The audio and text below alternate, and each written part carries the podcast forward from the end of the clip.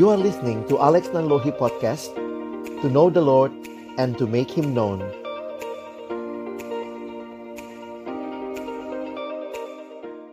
Kita berdoa sebelum membaca merenungkan firman Tuhan. Pagi hari ini kami kembali bersyukur untuk cinta kasih dan anugerahmu ya Tuhan. Kembali kami akan membuka firman-Mu. Kami mohon bukalah juga hati kami. Jadikanlah hati kami seperti tanah yang baik Supaya ketika benih firman Tuhan ditaburkan Boleh sungguh-sungguh berakar Bertumbuh Dan juga berbuah nyata di dalam hidup kami. Berkati hambamu yang menyampaikan Setiap kami yang mendengarkan. Tuhan tolonglah kami semua Agar kami bukan hanya menjadi pendengar-pendengar firman yang setia, tapi mampukan kami dengan kuasa dari rohmu yang kudus, kami dimampukan menjadi pelaku-pelaku firman-Mu di dalam hidup kami, di dalam masa muda kami. Bersabdalah ya Tuhan kami umatmu sedia mendengarnya dalam satu nama yang kudus, nama yang berkuasa, nama Tuhan kami Yesus Kristus. Kami menyerahkan pemberitaan firman-Mu. Amin. Shalom. Selamat pagi teman-teman sekalian. Semoga semakin segar. Sudah pada makan ya? Oke, abang juga udah makan dari kecil ya. Pagi ini kita sama-sama akan belajar dari Nehemia pasal 3 dan 4. Judulnya saya ganti sedikit. Bukan cuma I can do it, tetapi we can do it. Karena kita lihat kemarin waktu Nehemia share visi Allah dan pertolongan Allah yang dia alami, kita melihat bagaimana bukan cuma Nehemia tetapi juga seluruh umat meresponi kami siap untuk membangun. Jadi ini menjadi hal yang menarik untuk kita perhatikan. Nehemia terlibat dalam pergumulan bangsanya dan kemudian dia sharingkan apa yang dia dapat dari Tuhan dan kemudian dia mengajak umat Israel membangun kembali tembok Yerusalem yang waktu itu dikatakan tembok-temboknya terbongkar, pintu gerbangnya terbakar. Nah, kenapa ini menjadi penting? Sekali lagi kita ingat kemarin, karena kota yang tanpa tembok itu kota yang defenseless, tanpa pertahanan, mudah musuh masuk, sehingga menjadi satu hal yang penting untuk kita lihat bahwa Tuhan menghendaki ada pembangunan bagi tembok Yerusalem. Nah hari ini kita akan melihat bagaimana Nehemia sebagai pemimpin boleh melakukan pembangunan itu. Jadi teman-teman, orang yang punya visi dari Allah, punya action, inilah bagian. Bagaimana Nehemia mengatur. Nehemia ini luar biasa ya, pemimpin yang baik, manajer yang baik untuk bisa membangun kembali tembok Yerusalem. Nah nanti kita perhatikan Nehemia 3 dan 4 Abang ingin kita lihat dulu Nehemia pasal 3 Coba buka Alkitabnya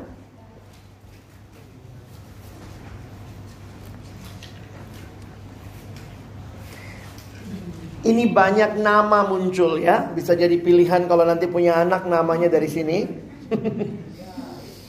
Ya Kita akan coba lihat sama-sama Saya bagi tiga kelompok ya biar gampang Ini kelompok pertama ini kelompok kedua, yang ini sampai belakang kelompok ketiga ya.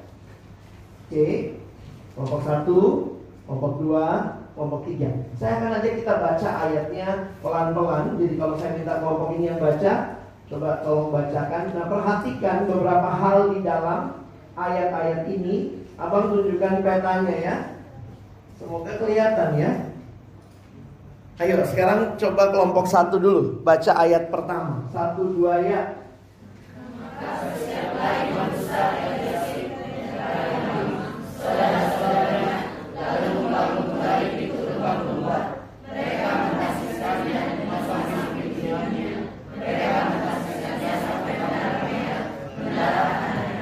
Perhatikan Ini pintu gerbang domba Ini menara Mea Ini menara Hananael.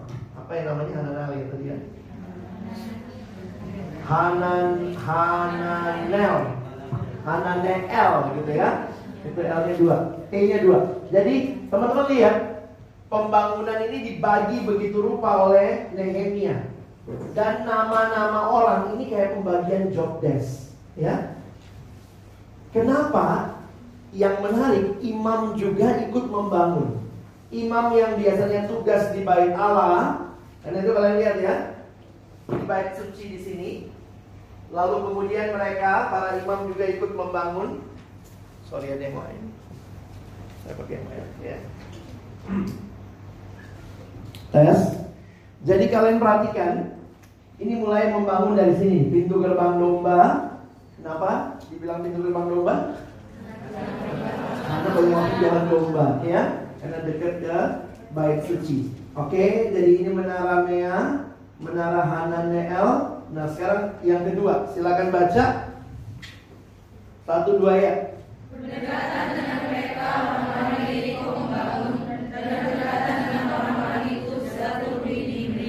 Tiga, silakan. Pintu gerbang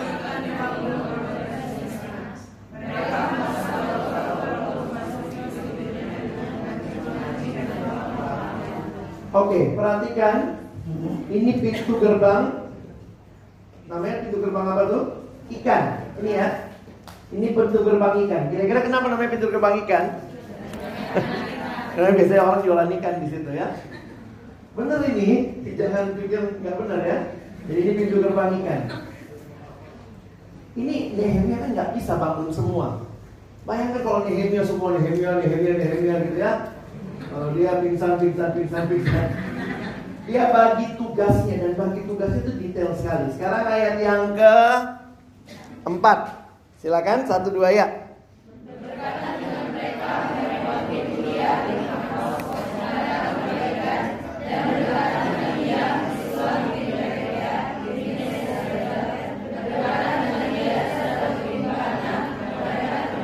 Iya, ini nama-namanya semua muncul ya. Kalau kasih nama anak agak bingung juga namanya aneh-aneh.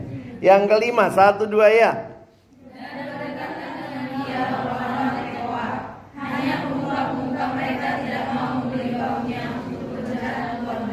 Ada juga ternyata yang tidak mau ikut.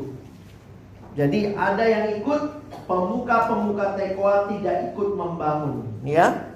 Oke, next satu dua ya.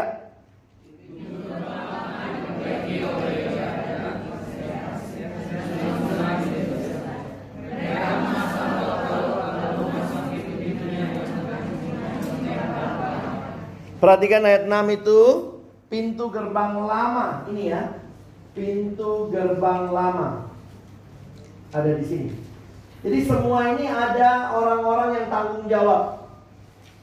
Pintu gerbang lama ada di sini. Ini namanya tembok lebar. Kita lihat next ya. Satu dua ya.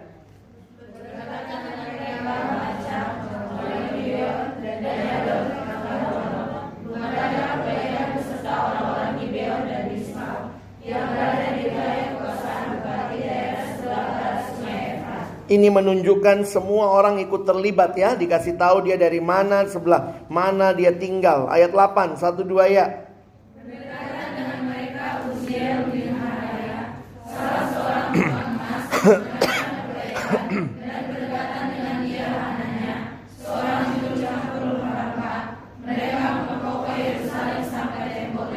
Ini semua profesi terlibat. Tadi ada imam, sekarang ada tukang mas, ada juga tukang campur rempah-rempah.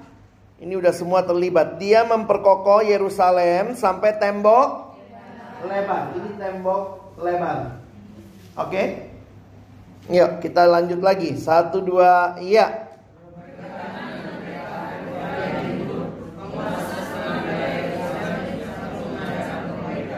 Ayat 10. Iya.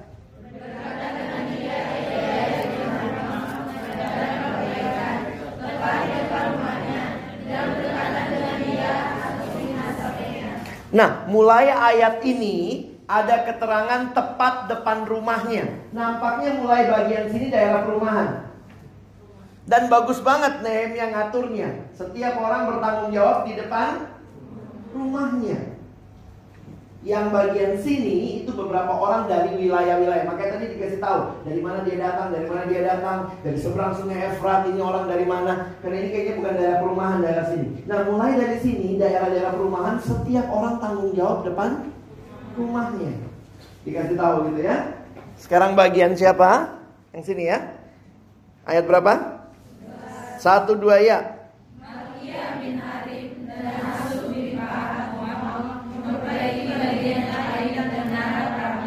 Nah ini menara perapian Menara perapian Oke okay? Ini yang lebih gede ya Bang kasih ya Ya Ini udah sampai di menara perapian Oke okay?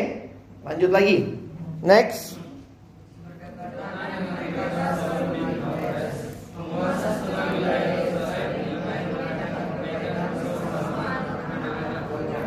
Wih, dikasih tahu juga anak perempuan ikut.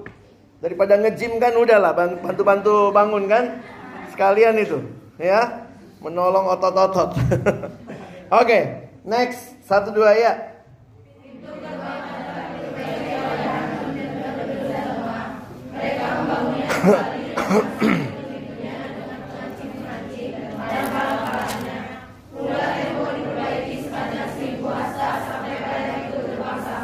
Perhatikan dari pintu gerbang lebak ini sampai dengan pintu gerbang sampah. Berapa itu seribu hasta?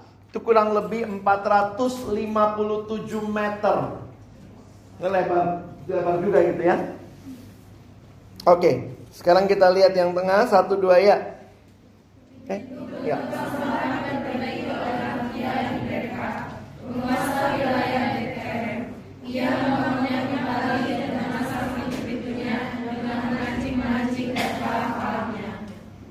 Selanjutnya, next.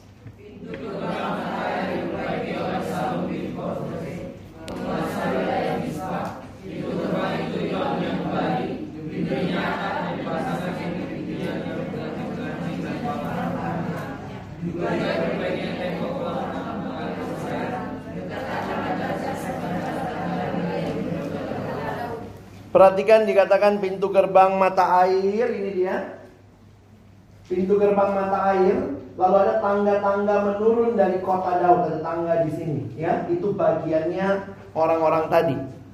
Next. Silakan satu dua, iya.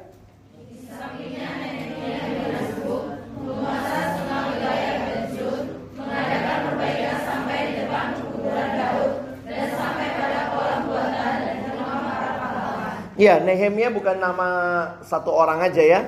Makanya dikasih tahu ini Nehemia bin bin Asbuk. Jadi itu nama umum waktu itu Nehemia ya. Oke, dia di dalam pekuburan Daud itu daerah-daerah yang situ tadi ya dan rumah para pahlawan 17 1 2 ya.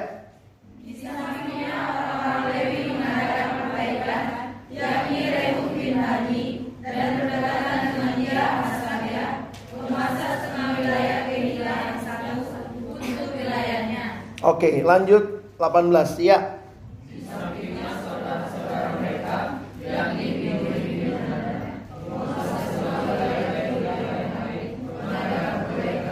Nah ini lihat semua berdekatan di samping gitu ya 19 ya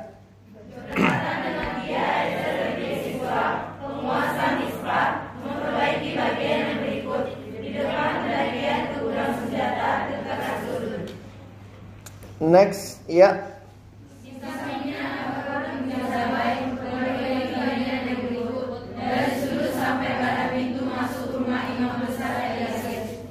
Jadi ini lanjut lagi ya. 21 ya.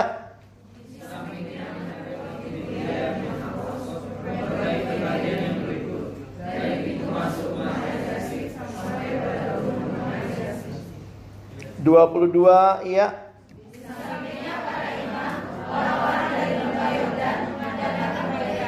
Dua puluh tiga ya.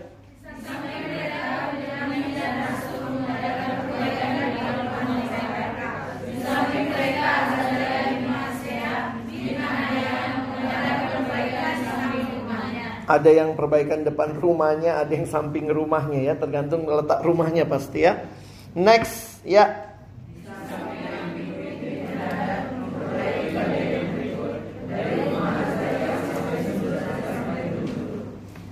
Lanjut lagi ya.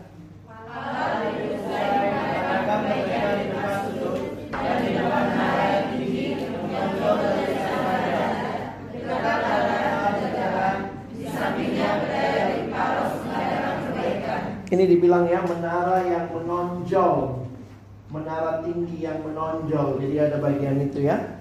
Jadi banyak sekali bagian ini. Oke okay, next Satu dua ya. Sampai di depan pintu gerbang air Di sebelah timur Dan di depan menara yang menonjol Adapun para budak Ibrahim Allah tinggal di Ovel. Ini Ovel. Ini tempat tinggal para budak Ini pintu gerbang air ya Memang ada dua macam tembok waktu digali, ada yang namanya tembok lama sehingga mereka melihat yang dibangun sama Nehemia nampaknya yang bagian sini, ya. Tembok lama itu memang sudah ada. Oke. Nah, ini yang dibangun oleh Nehemia. Kita mesti balik lagi ke peta yang lebih besar ya. Ini tadi sampai sini Ovel, ya, sampai Ovel. Kita naik ke atas. Ini rumah-rumah imam, rumah sadok gitu ya. Kita naik lagi. Oke, setelah sekarang giliran siapa? Oke, satu dua ya.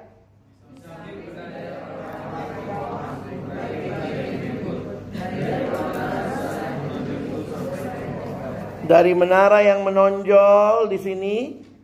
Jadi ada menara tinggi yang menonjol, ada menara yang menonjol diperbaiki sampai oval. Oke. Lanjut lagi ya. Satu dua ya.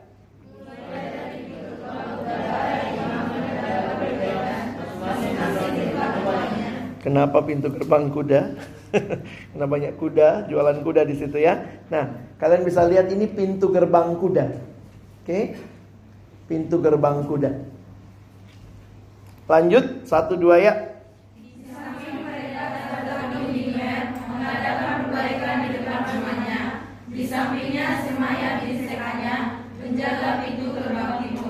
Pintu gerbang timur di dalam Alkitab sangat unik karena memang menghayati orang Israel menghayati kalau nanti Tuhan datang, ini penghayatannya orang Israel, Tuhan akan datang dari pintu gerbang timur. Ya. Ini bait suci di sini, Tuhan akan datang dari sini. Jadi ini pintu gerbang timur. Itu juga ada penjaganya, dia juga bangun di dekat tempatnya. Oke, lanjut satu dua, iya.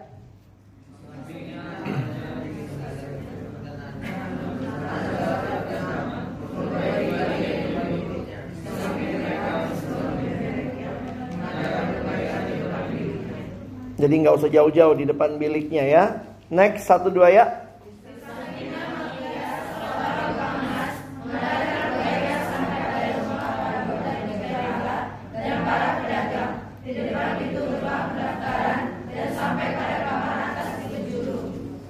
Perhatikan ini biliknya Mesulam. Ini pintu gerbang pendaftaran. Oke, jadi dulu nampaknya orang-orang pendaftaran di situ. Jadi kalian mesti perhatikan pada masa itu salah satu yang menarik adalah posisi dan lokasi pintu gerbang. Pintu gerbang itu menjadi tempat kayak sekarang ini ya eh, kantor wali kota. Mereka mengadakan persepakatan masalah jual beli kalau kita ingat konteks root gitu ya itu semua terjadi di pintu gerbang. Jadi itu uh, di pintu gerbang itu banyak hal yang terjadi. Nah, salah satunya pintu-pintu gerbang yang penting itu pintu gerbang pendaftaran, pintu gerbang timur. Terakhir, udah terakhir kan? Yang sini sekarang ya, satu dua ya.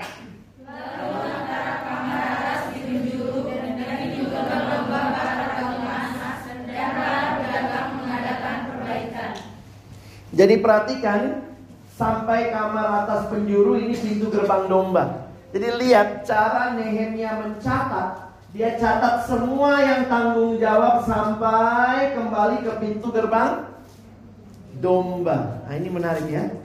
Mulai dari pintu gerbang domba, siapa-siapa yang terlibat dalam pembangunan sampai kembali ke pintu gerbang domba. Teman-teman apa yang menarik kita perhatikan ya? Abang coba jelaskan beberapa hal penting yang bisa kita perhatikan. Pertama, kepemimpinan Nehemia terlihat nyata dalam cara mengatur dan menggerakkan pembangunan tembok Yerusalem. Saya pikir pasti Nehemia belajar rajin kalian. Ya. Dia punya ilmu manajemen. Ini orang manajerial banget.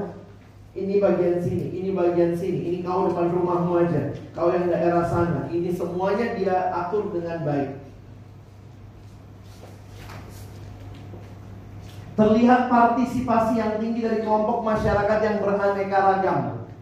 Nehemia tidak hanya disukai oleh golongan tertentu, tetapi dia bisa memimpin para pemuka agama maupun pemuka masyarakat melibatkan diri secara langsung. Ayat-ayatnya sudah kita baca. Beberapa berbagai profesi terlibat dalam pembangunan itu, seperti tukang emas, juru rempah-rempah, Bukan hanya kaum laki-laki, tapi kaum perempuan pun ikut menyumbangkan tenaga. Nehemia tidak diskriminatif. Maaf, ini bagian laki-laki. Kalau ada yang bisa perempuan lakukan, silakan. Begitu ya. Partisipasi yang tinggi juga terjadi karena kepemimpinan yang efektif dari Nehemia. Nehemia membentuk tim dan memberi tanggung jawab yang spesifik Pembagian tugas dilakukan dengan jelas dan diberi perhatian yang sungguh-sungguh. Paling tidak dari cara mencatatnya kelihatan dengan jelas. Job desknya spesifik. Sampai dia bagian pintunya, bagian pengancingnya, dia pasang semua dikasih tahu. Ya. Coba baca, satu dua ya. Adanya kebijaksanaan.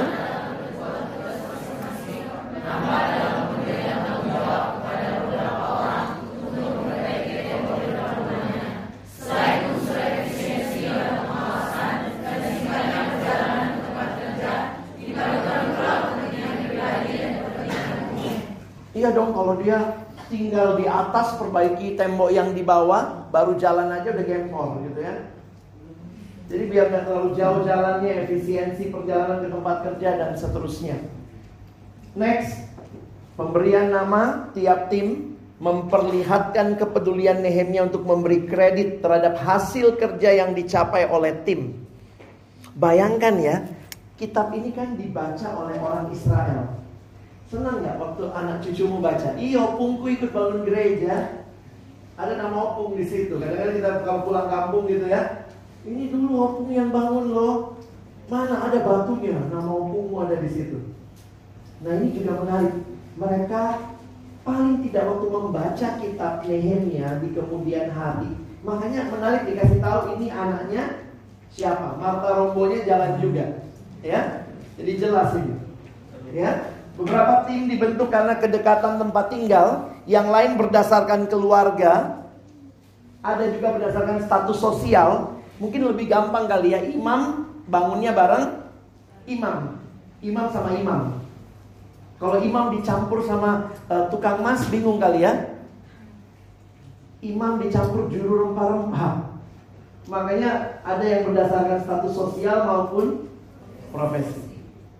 Jadi luar biasa Nehemia ini ya. Nehemia juga mampu memotivasi mereka untuk bekerja dengan tujuan dan komitmen yang sama. Ini kesimpulan saya. Satu dua kita baca sama-sama. Satu dua ya. Nehemia adalah pemimpin, manajer yang baik. Namun juga seorang yang memahami pentingnya. Dia tahu pentingnya teamwork. Dan saya pikir ini yang harus kita sadari ya.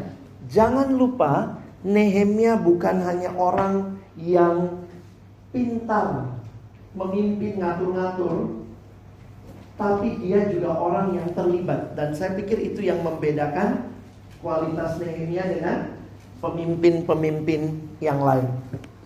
Sampai sini ada yang mau tanya?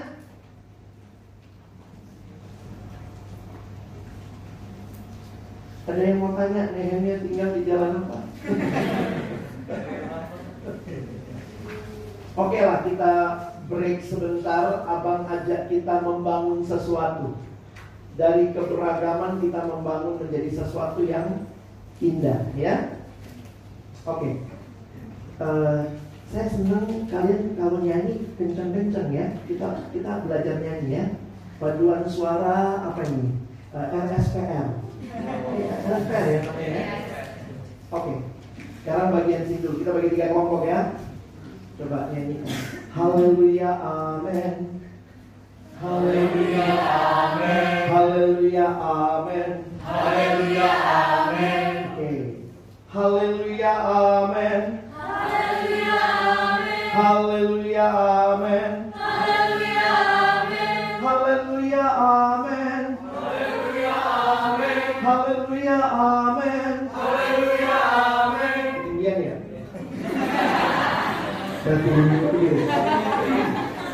Hallelujah, hallelujah, amen. Hallelujah, amen.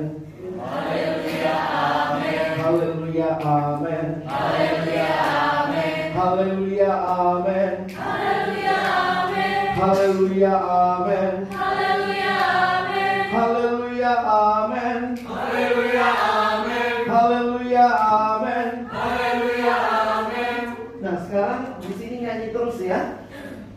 Sambil kalian nyanyi terus, saya pindah, saya pindah. Yang ini jangan mulai dulu ya.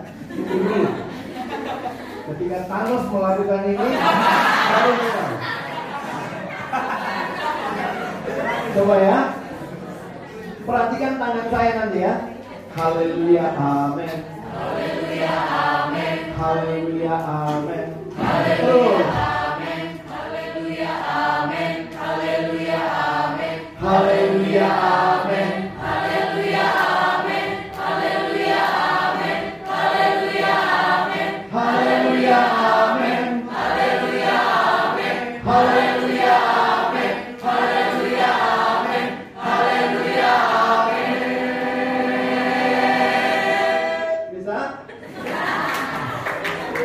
Kita membangun dari keberagaman. Ulang ya. Udah tahu ya? Perhatiin tangan, tangan abang terakhir ya. Oke. Haleluya, amin. Haleluya, amin. Haleluya, amin. Haleluya, amin. Haleluya, amin.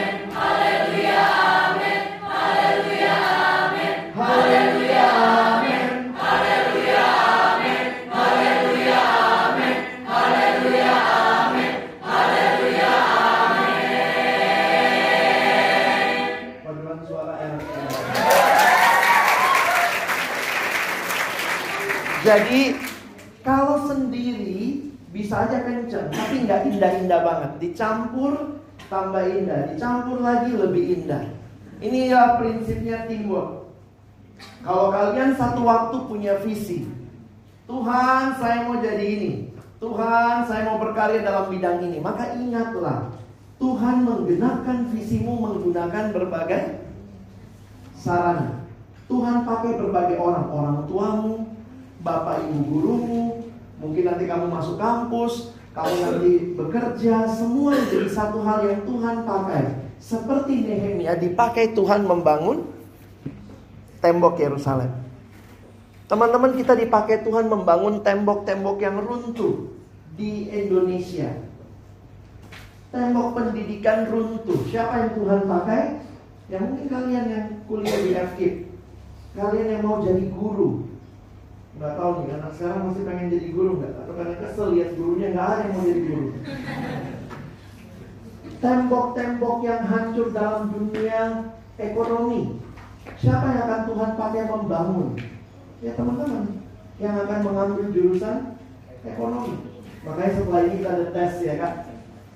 Tes supaya bisa lihat di bagian mana kau tepat. Jangan sampai anak yang nggak suka hitung-hitungan terus ada ada juga itu aku, aku mau jadi dokter bang. Oh iya, tapi aku nggak bisa lihat darah. Ampun. Kalau lihat darah aku pingsan nanti kau yang ditolong.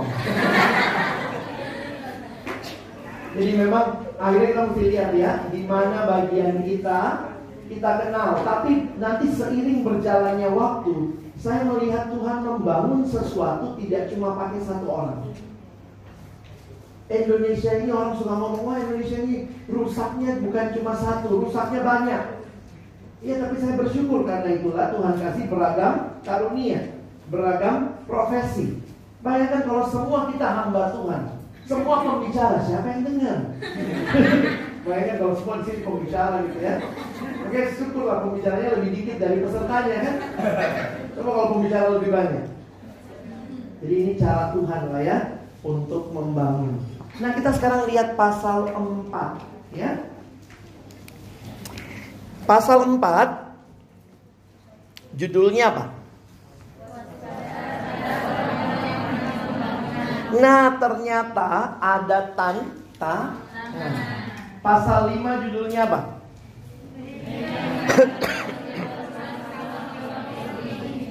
Ternyata ada keluhan-keluhan dari sesama orang Yahudi.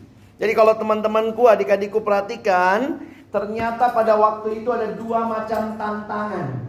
Dari luar dan ternyata dari dalam. Siapa musuh dari luar yang kalian lihat namanya kemarin? Sandalat. Siapa lagi? Oron, Tobia. Ya jangan kasih nama anak itu ya. Dikasih anakku dibully sepanjang pembelajaran Alkitab. Kayak dulu kan Dulu terkenal banget Raja Nero. Sekarang Nero nama apa? Anjing. Nero, gitu ya. Ada juga yang begitu. Ya karena Nero itu kan uh, katanya dia waktu itu dia menghasut. Jadi dia bakar kota Roma, lalu kemudian dia mentambah hitamkan orang Kristen. Makanya sampai sekarang kalau kita mau burning CD, programnya namanya apa? Nero, ya pernah? Kalau mau bikin CD itu ya pakai Nero Burning Rome ya. Kalau kalian lihat itu gambarnya kota Roma yang lagi menyala-nyala. Jadi menarik untuk kita perhatikan bahwa tantangan akan selalu ada.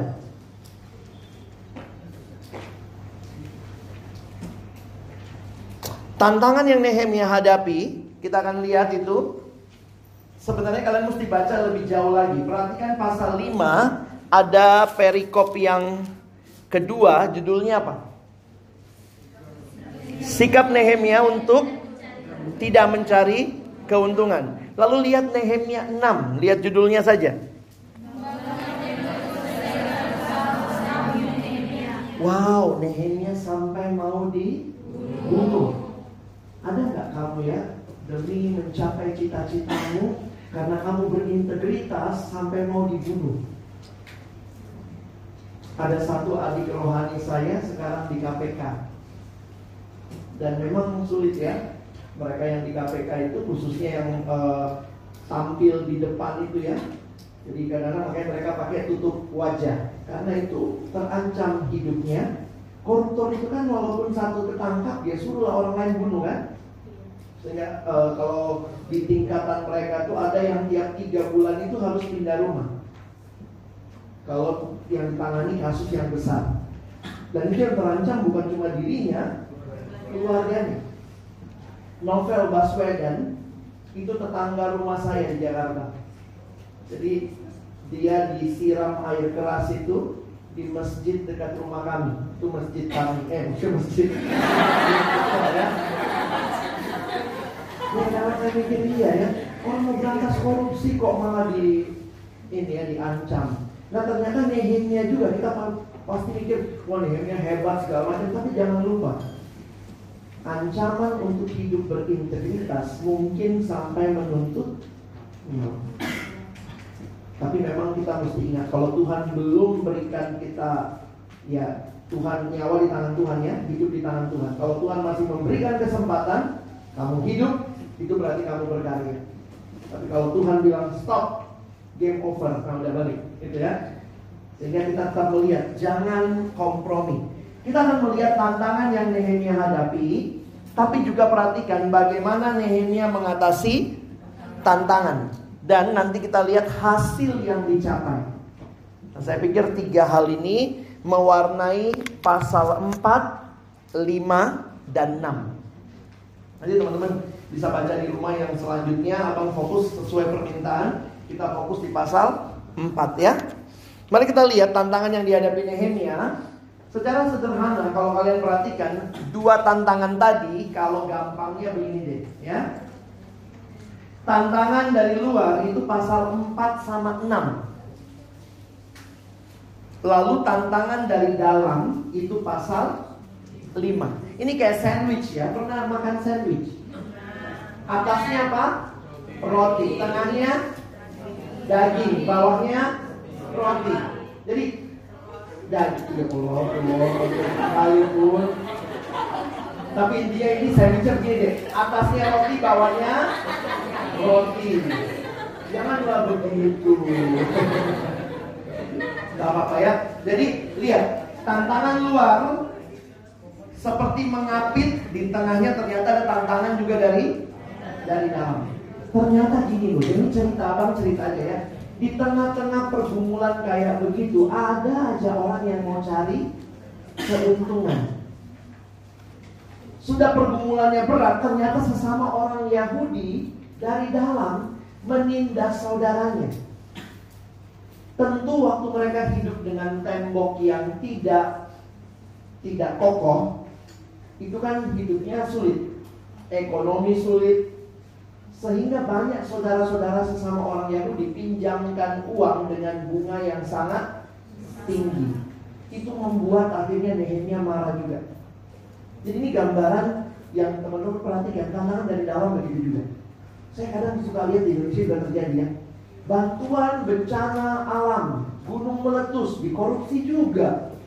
Saya pikir yang korupsi ya, itu asap apa itu? asap mengkorupsi Eh, bencana alam. Ngeri di tengah-tengah kemalangan orang ada orang yang selalu mikirnya ambil untung ambil duit. Nah itu yang kita mau perhatikan ya. Baik kita lihat tantangan dari luar. Ternyata bukan langsung di pasal 4 mulainya. Kemarin di pasal 2 udah lihat ya. Pasal 2 ayat 10 nama ini muncul Sanbalat orang-orang Tobia orang Amon sangat kesel. Jadi kalau kita lihat caranya dicatat, dicatat emosinya. Sangat kesal. Apa yang dia lakukan? Mereka mengolok-olok dan menghina kami. Pernah dibully? Nehemia pernah. Biasanya orang dibully karena apa? Karena kadang-kadang gitu, kita hidup kudus dibully juga. Kita lewat, ya awas roh kudus lewat. Apa yang gitu tuh? Ada siswa kan bilang sama saya, habis gimana bang? Kalau kita nggak ikut nyontek, dia datang bang. Aku karena nggak ikut nyontek dibully temanku. Kudus sekali kau. Ini sekolah bukan STT. Ya, saya saya lebih kaget lagi untuk masuk STT bikin nyontek. Tapi poinnya apa? Orang tidak suka lihat orang yang hidup benar. Itu jadi aneh juga. Sehingga boleh datang, bang, semua temanku nyontek, makanya aku ikut nyontek. Gimana caranya? Saya bilang kalau gitu ganti temanmu deh. Semua temanmu nggak nyontek, terus kau sendiri nyontek. Siapa yang bilangnya? Kadang-kadang masalah kita karena kita memilih teman yang salah. Coba semua teman porno, kau tidak yang dianggap aneh siapa? Ini kan peer pressure ya. Ini aku kudu sama. Sehingga bagi saya kadang-kadang memang yang mesti dilakukan ya ganti teman. Tapi kita maunya itu teman itulah harta kita karena orang tua udah gak bisa jadi komunikasi hanya teman yang bisa begitu ya. Seolah temanlah segalanya padahal banyak teman yang belum tentu menolong kamu. Bisa jadi dia menjauhkan kamu. Sama anak Kristen harus belajar jadi trendsetter ya. Sorry mungkin ini kalimat saya agak bombastis tapi belajar untuk jadi trendsetter jangan cuma jadi trend follower. Semua nyontek nyontek, semua uh, main HP lupa waktu, ikut main HP. Kamu harus jadi trendsetter. Tanpa HP saya bisa hidup. Emang kenapa? Tanpa pornografi saya bisa kudus. Kadang ada gitu, kenapa kamu rokok? Iya bang, biar bilang jantan. Ih, ayam kau deh. Jadi apa? Orang sibuk sama identitas palsu. Jantan, coba-coba rokok gitu ya saya bilang gini, kalau untuk jantan kau butuh rokok, saya sudah saya jantan. Saya pria. Untuk jadi pria saya nggak butuh rokok. Untuk jadi pria sejati saya nggak butuh rokok. Untuk jadi pria sejati kau butuh rokok. Yang banci siapa? Ya? Kayak gini ya. Ada yang ada yang nggak dibulinya gini. Dasar kau sok kudus, sok suci. Saya dari dari kuliah jadi saya punya teman baik namanya Andre, Muslim. Andre ini suka nginep di kosan saya. Nah dulu waktu dia nginep, awal-awalnya dia nginep di kosan saya, waktu saya mulai saat teduh, saya agak malu saat teduh depan dia. Jadi tiap kali mau saat teduh, saya tunggu dia mandi. Kalau pas dia lagi nginep, ya pas dia mandi, saya saat teduh cepat-cepat. Saya masukkan semua alkitab saya, renungan harian itu di dalam lemari saya. Begitu dia mandi saya satu cepat-cepat. Kalau udah berhenti airnya, oh langsung saya masukkan lagi. Kamar-kamar saya, tapi saya nggak bisa satu dengan nyaman. Sampai satu waktu si Andre bilang gini, Lex aku sholat ya. Uh, ya silakan. Uh, terus kemudian dia sholat terus dia nanya ke mana arahnya saya saya ingat teman saya di kosan oh ke arah sana kayaknya ke arah sana juga teman-teman pas dia sholat kayak Tuhan bukakan pikiran saya dia aja sholat di kamarmu kau ibadah aja ngumpet-ngumpet oh dia itu saya keluarkan Alkitab saya ah, gitu. Karena ngapain saya tutup-tutupi? Dia aja sholat di kamar saya. Akhirnya kemudian waktu dia lihat Alkitab saya, nah jadi si Andi nggak, eh, oh ini Alkitab ya? Aku lihat ya ya udah lihat gitu ya. Terus dia kemudian lihat saat teduh saya, buku renungan saya. Dia bilang ini apanya? Oh ini buku renungannya Andre, saya bilang. Oh kayak gimana pakainya? Jadi ini dibaca dulu ayatnya, ini baca dulu saat teduh ya. Ini dibaca dulu ayatnya, lalu baca renungannya. Terus ini tiap hari nih, ini tanggalnya ada. Iya. Jadi kau tiap hari baca Alkitab ini? Iya. Ih, kependeta kau ya. Jadi saya sudah pendeta di mata Andre dari tahun 92. Andre lah yang mempendetakan saya. Udah pendeta saya di dunia. Dan sejak hari itu sampai hari ini, Andre panggil saya pendeta.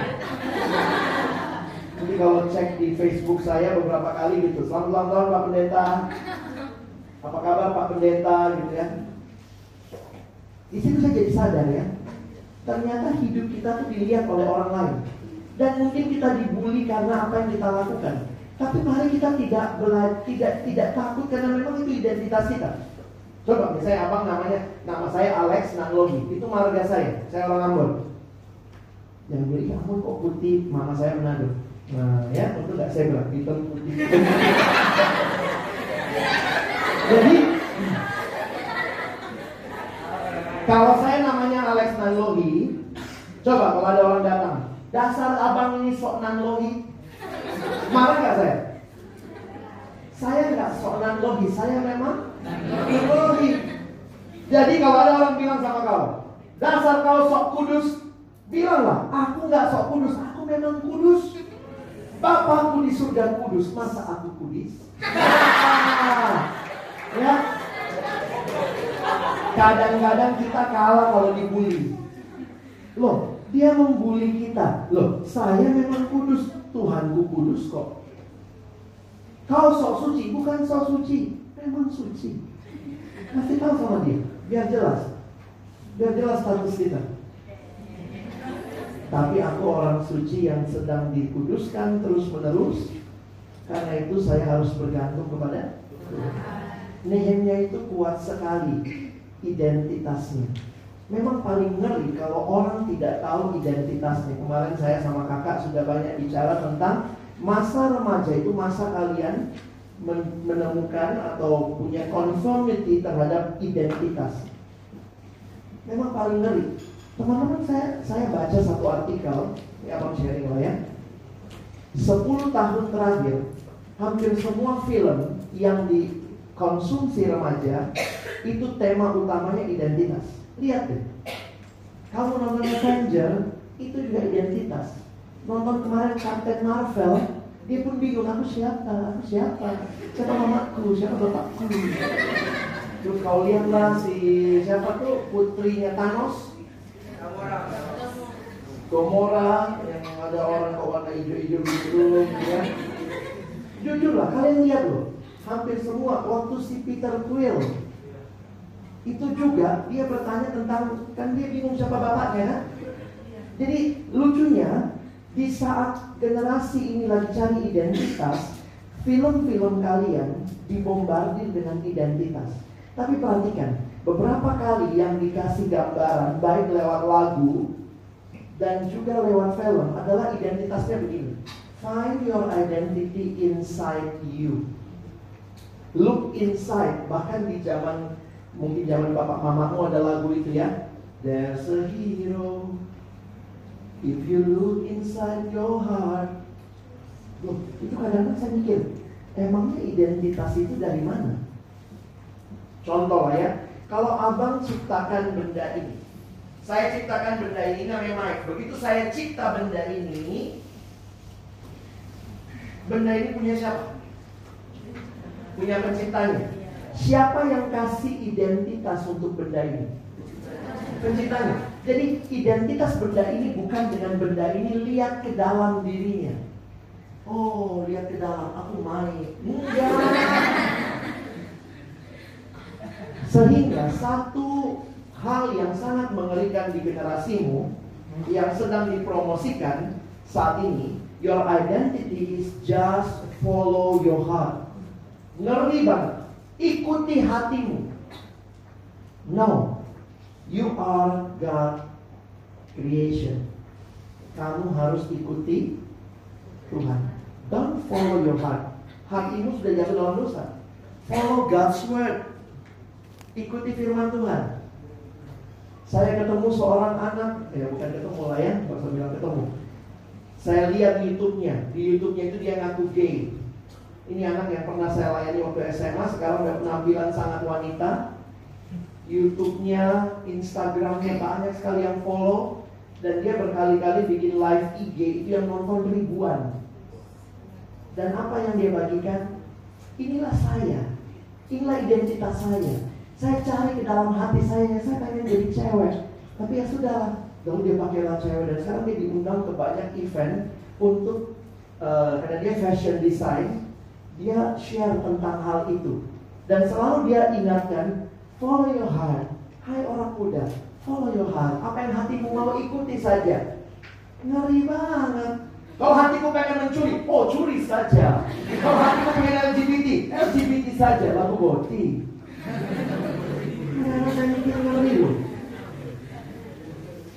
Memang paling ngeri orang yang tidak tahu identitas.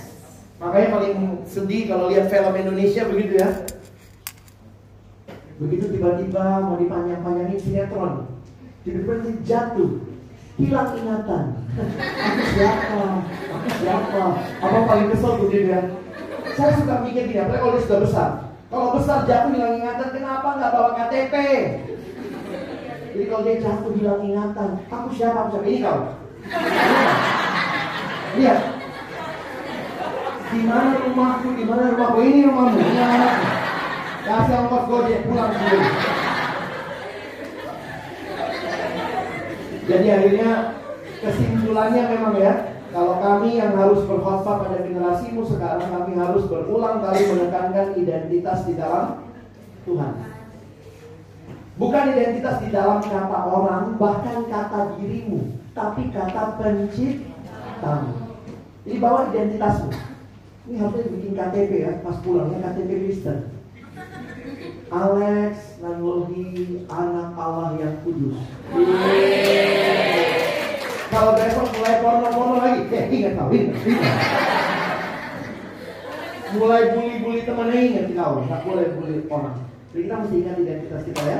Nehemia sangat tahu identitasnya sehingga apa pun tantangan di sekitarnya Nehemia bisa bilang tidak. Tidak, tidak, tidak. Tapi kalau kita identitasnya nggak jelas, tantangan datang ya kita iya, iya, iya. Ya, kita mesti jelas ya. Nah, coba kita lihat sebentar. Pasal 4 ayat 1 dan 2. Yuk kita baca 1 2 ya.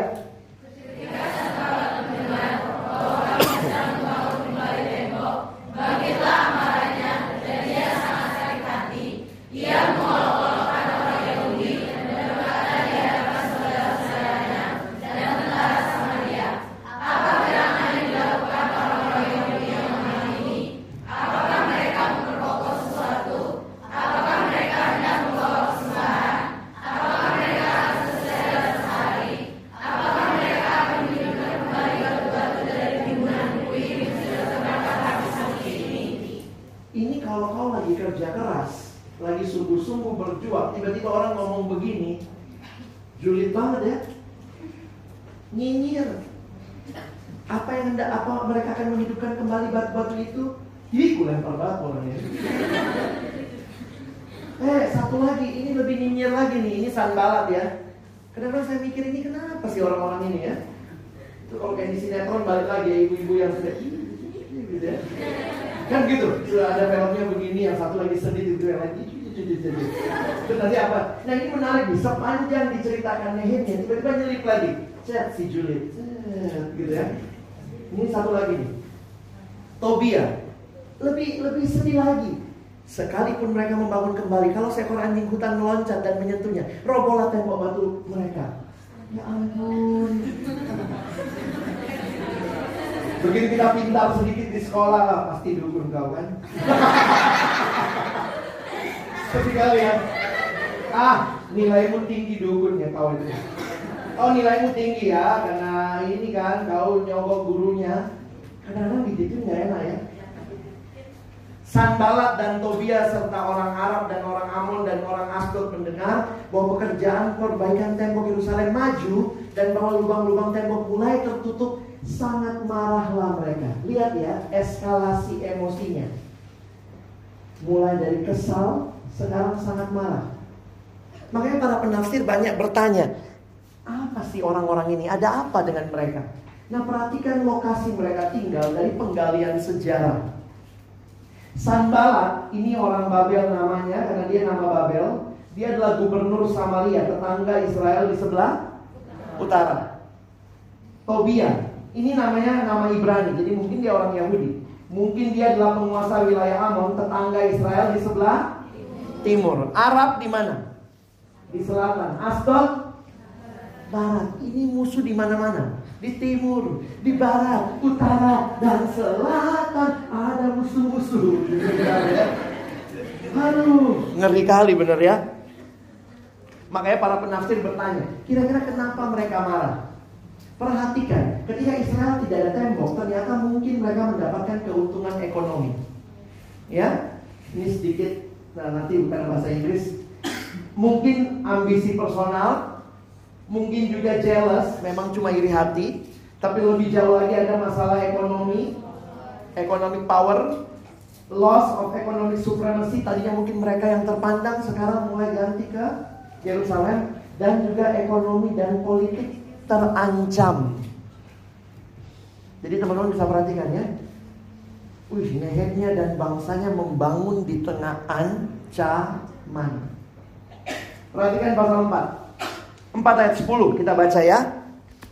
Abang nggak suruh baca semua, kita baca sekarang kelompok 1 baca ayat 10. 1 2 iya.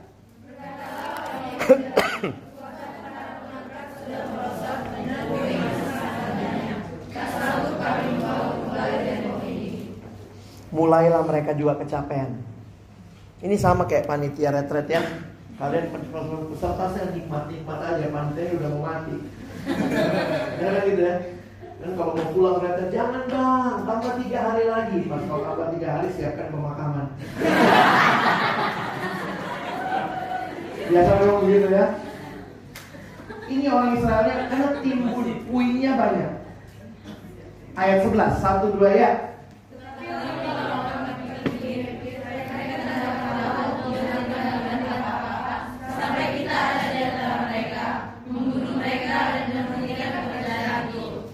Ampun dari luar diintimidasi Bilangnya mau dibunuh. 4 ayat 12 mulai pesimis. 1, 2, iya.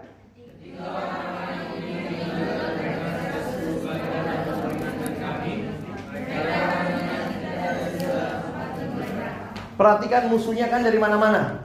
Jadi sudah tersebar kabar Kalian akan diserbu.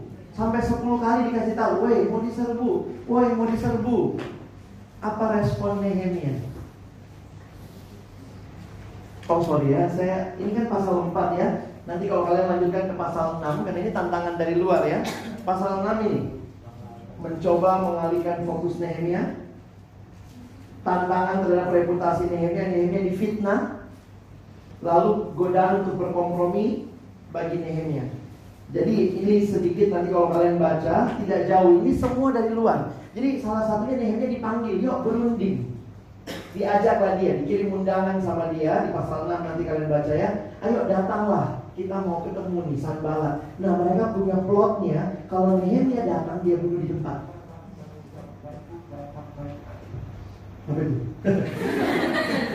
Biasanya ada interviernya ya. Nah kita baca sama-sama. Satu dua ya. Berbagai cara mereka pakai.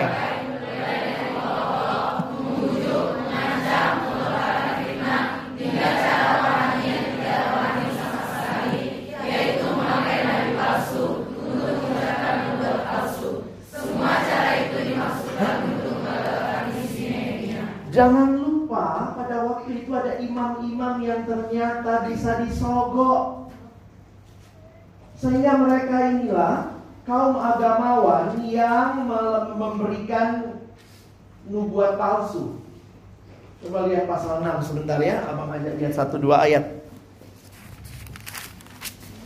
Coba lihat pasal 6. Kita lihat ayat yang ke-10. Sampai 12. Kita baca ya, ayat 10 sampai 12. Satu dua ya. Ketika aku pergi ke rumah Semaya bin Delaya bin Mehatabel, sebab dia berhalangan datang, berkatalah ia, biarlah kita bertamu.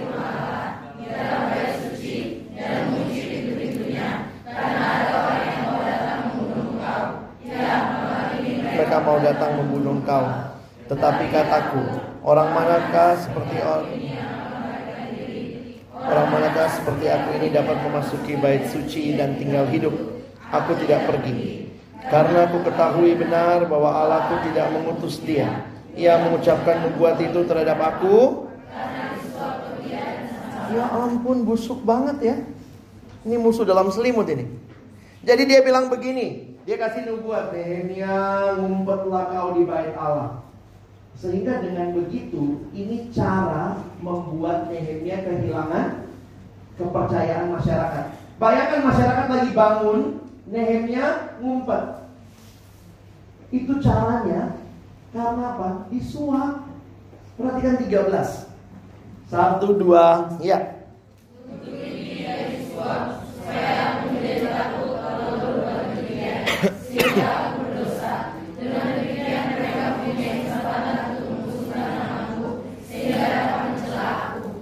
Jadi kalau kalian baca kitab ini mesti kembangkan imajinasi ya. Kadang-kadang mungkin kalau kalian lihat ini luar biasa nih Tantangan datang sampai pakai orang dalam Suruh Nehemia ngumpat. Untungnya Nehemia bilang tidak Saya tidak akan demikian. Ini orang lagi bangun semua masa saya ngumpat? Ya. Bagaimana Nehemia mengatasi tantangan dari luar? Kadang kalau kita pikir apa yang dia lakukan? Hal pertama dan terutama berdoa. Kita baca pasal 4 ayat 4 sampai 5 ya. Sama-sama ayat 4 dan 5. Satu dua ya. Ya Allah kami, dengarlah bagaimana kami dihina. Balikkanlah cercaan mereka menimpa kepala mereka sendiri dan serahkanlah mereka menjadi jarahan di tempat tawanan. Jangan kau tutupi kesalahan mereka dan dosa mereka jangan kau hapus dari hadapanmu karena mereka menyakiti hatimu dengan sikap mereka terhadap orang-orang yang sedang. Teman-teman jangan berpikir kita sanggup dengan kekuatan sendiri. Doa. Ini mirip kayak Tuhan Yesus ya. Tuhan Yesus juga menasehati berjaga-jagalah dan berdoa. Tapi bukan cuma itu. Kalau cuma doa ada tantangan Nehemia pun pakai akal pakai akal pemberian Tuhan menyusun strategi pertahanan kota. Gimana strateginya? Ayat 13. Sekarang kelompok satu baca 13 ya. Satu dua ya.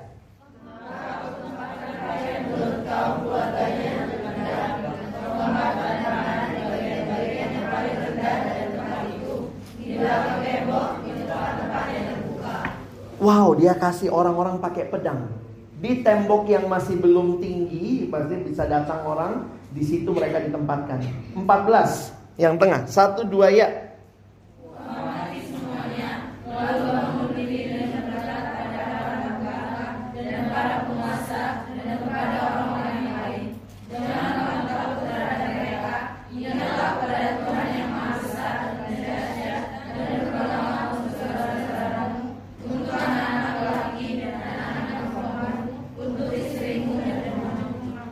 Menarik ya. Nehemia beri semangat.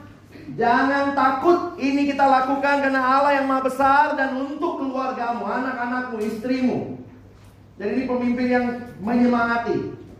Saya kadang lihat kalau pemain bola itu ya, itu yang namanya pelatihnya itu di samping lapangan lari-lari teriak-teriak, gitu. Saya nggak tahu didengar apa tidak ya.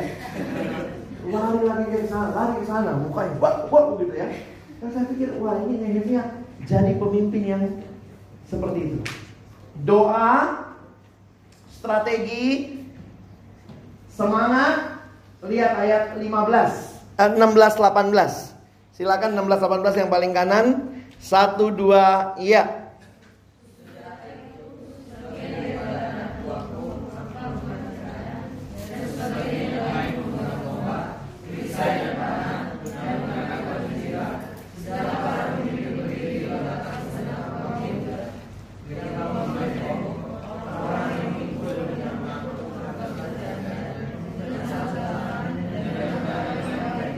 Sampai situ dulu.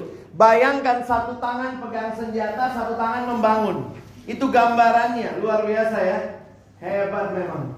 Lihat 18 sampai 20, sama-sama kita semua baca. 18 sampai 20. Satu dua ya.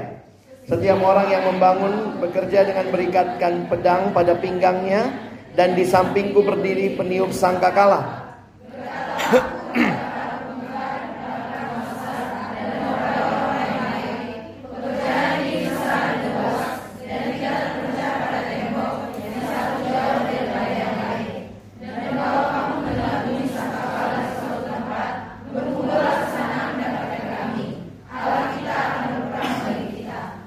Zaman itu belum ada WA, belum ada SMS, belum bisa telepon. Pakai apa?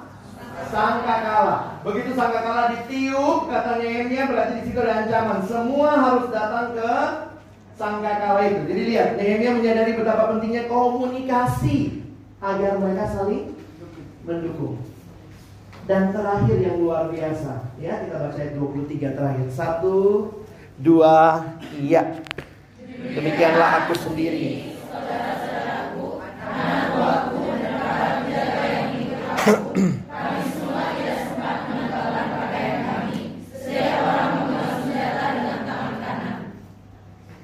Nehemia ikut kerja. Nehemia tidak hanya sebagai pengatur-pengatur, namun juga sebagai pelaku pekerjaan itu. Ia turut bekerja keras. Kalau anak buah dituntut, maka bapak buah harus lebih menuntut diri ya. Nehemia sampai nggak sempat ganti baju. Lian sempat ganti baju ya? Bayangkan kalau Lian nggak ganti baju, hari pertama mukanya kusut. Hari kedua kita setrika sedikit. Kemarin sudah bisa stand up comedy gitu ya. Karena saya mikir, ya emang ketua itu begitu ya. Nggak akan masuk kamar dia sebelum orang lain masuk kamar. Kecuali kalau dia tidur masuk kamar, kita bilang wah ini ngumpet dari tanggung jawab. Makanya Nehemia juga nggak mau sembunyi di bait Allah. Ya. Baik teman-teman, abang nggak lanjutin lagi. Sebenarnya nanti kalau lihat kalau tantangan dari dalam ada lagi ya yang tadi saya sudah ceritakan. Bagaimana Nehemia mengatasi tantangan dari dalam? Kalau dari luar dia berdoa, pakai strategi, bangkitkan semangat, pakai pola komunikasi dan dia sendiri menunjukkan dia ikut kerja. Dari dalam dia tahu identitasnya. Itu tadi yang saya sudah bagikan juga ya. Ini kesimpulan-kesimpulan kita. Kesimpulan singkat yang dapat dikatakan tentang kehidupan Nehemia sebagai gubernur, ia tidak bercacat. Inilah yang dibutuhkan seorang pemimpin di bidang apa pun, baik di pemerintahan, perusahaan, gereja, lembaga pelayanan maupun rumah tangga. Kita baca kalimat terakhir ini. Satu dua ya.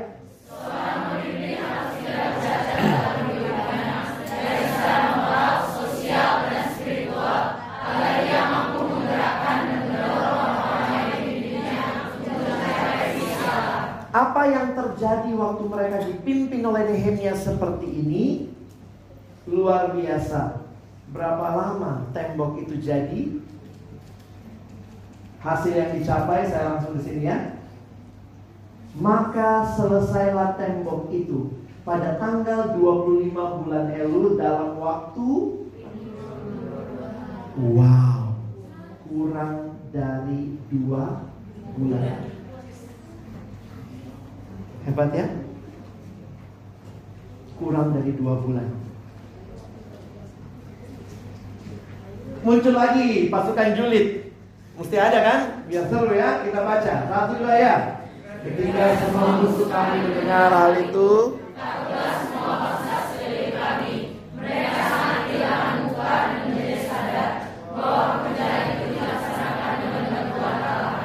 Ketika kamu hidup benar, dipimpin Tuhan, musuh-musuh akan bungkam sendiri.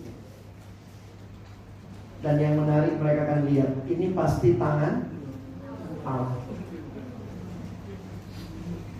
Saya harap kita menikmati kitab ini ya. Ini baru sampai pasal 4 loh. Baca lagi di rumah lanjutannya, lanjutannya, lanjutannya ya. Abang tutup dengan aplikasi Beberapa poin saya saya sudah sampaikan tadi. Dalam memperjuangkan visi Allah Teman-teman tetap setia dan berserah kepada Allah. Tetap berjuang dengan kerja keras melakukan bagian kita. Memang visinya dari Allah. Kalau Allah panggil kamu jadi berkat di bangsa ini Saya pikir dari siswa kamu sudah bisa belajar memilih Mau kuliah jurusan apa. Bagaimana kau melihat bangsa ini kalau kau peduli dengan bangsa ini, lihat apa kerusakan di bangsa ini. Dan tanya sama Tuhan, Tuhan, engkau mau pakai saya dalam kerusakan bangsa ini di bidang apa? Ada siswa ditanya, mau kuliah apa? Nggak tahu bang. Mau kuliah apa? Saya cuma mau jadi ekonom. Kenapa? Biar kaya, rumah besar, bisa jalan-jalan ke luar negeri. Sempit banget cita-citamu. Pernahkah kita berpikir mengkaitkan cita-cita kita dengan Allah yang tentu tidak secara kebetulan taruh kamu di Indonesia? Kaitkan cita-citamu nggak usah dengan dunia dulu deh, dengan Indonesia. Dan lihat apa yang Tuhan mau. Ada kalimat indah, do your best and God will do Keren. Teman saya anaknya diajarin sama gurunya. Gurunya bilang begini. Do your best, lakukan yang terbaik. Kamu harus lakukan yang terbaik. Kalau kamu lakukan yang terbaik, kata gurunya, Allah akan istirahat. Padahal kan artinya nggak begitu ya. Dan dia bilang itu, ini guru bahasa Inggris loh. Kelas 3 SD. Jadi anaknya pulang ke rumah. Bapak, bapak, kata guru begitu. Kalau kita lakukan yang terbaik, Tuhan akan istirahat.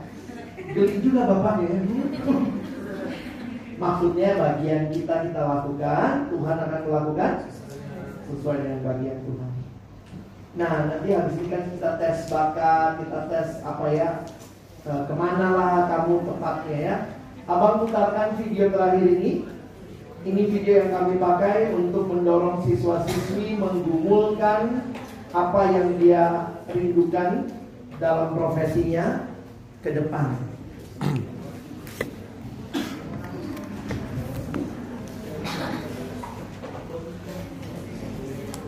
Oke.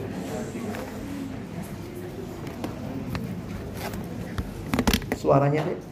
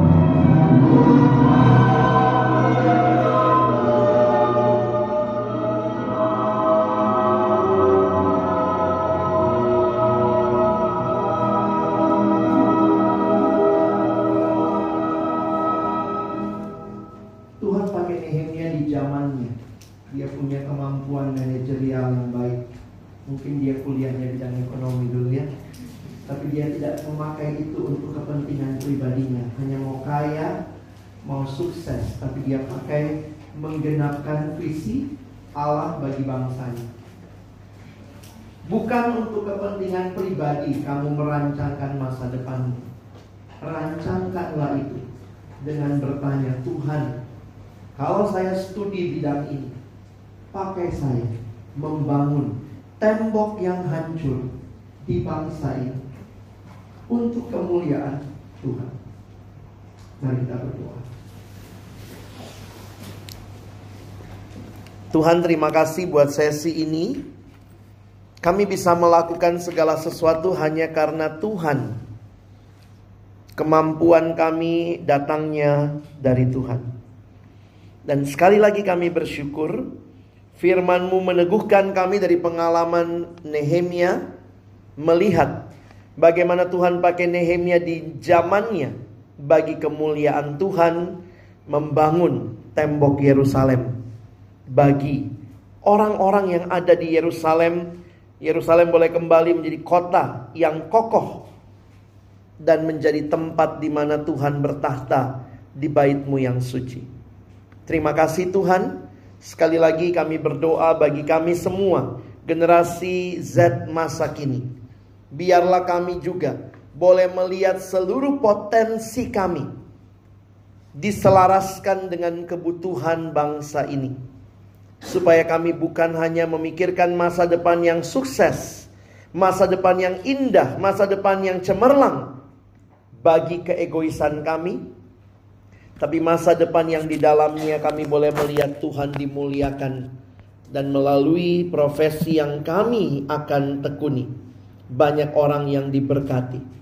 Sekali lagi terima kasih untuk firman-Mu, terima kasih untuk setiap hati yang terbuka di hadapan-Mu. Dalam nama Tuhan Yesus kami bersyukur, kami berdoa. Amin.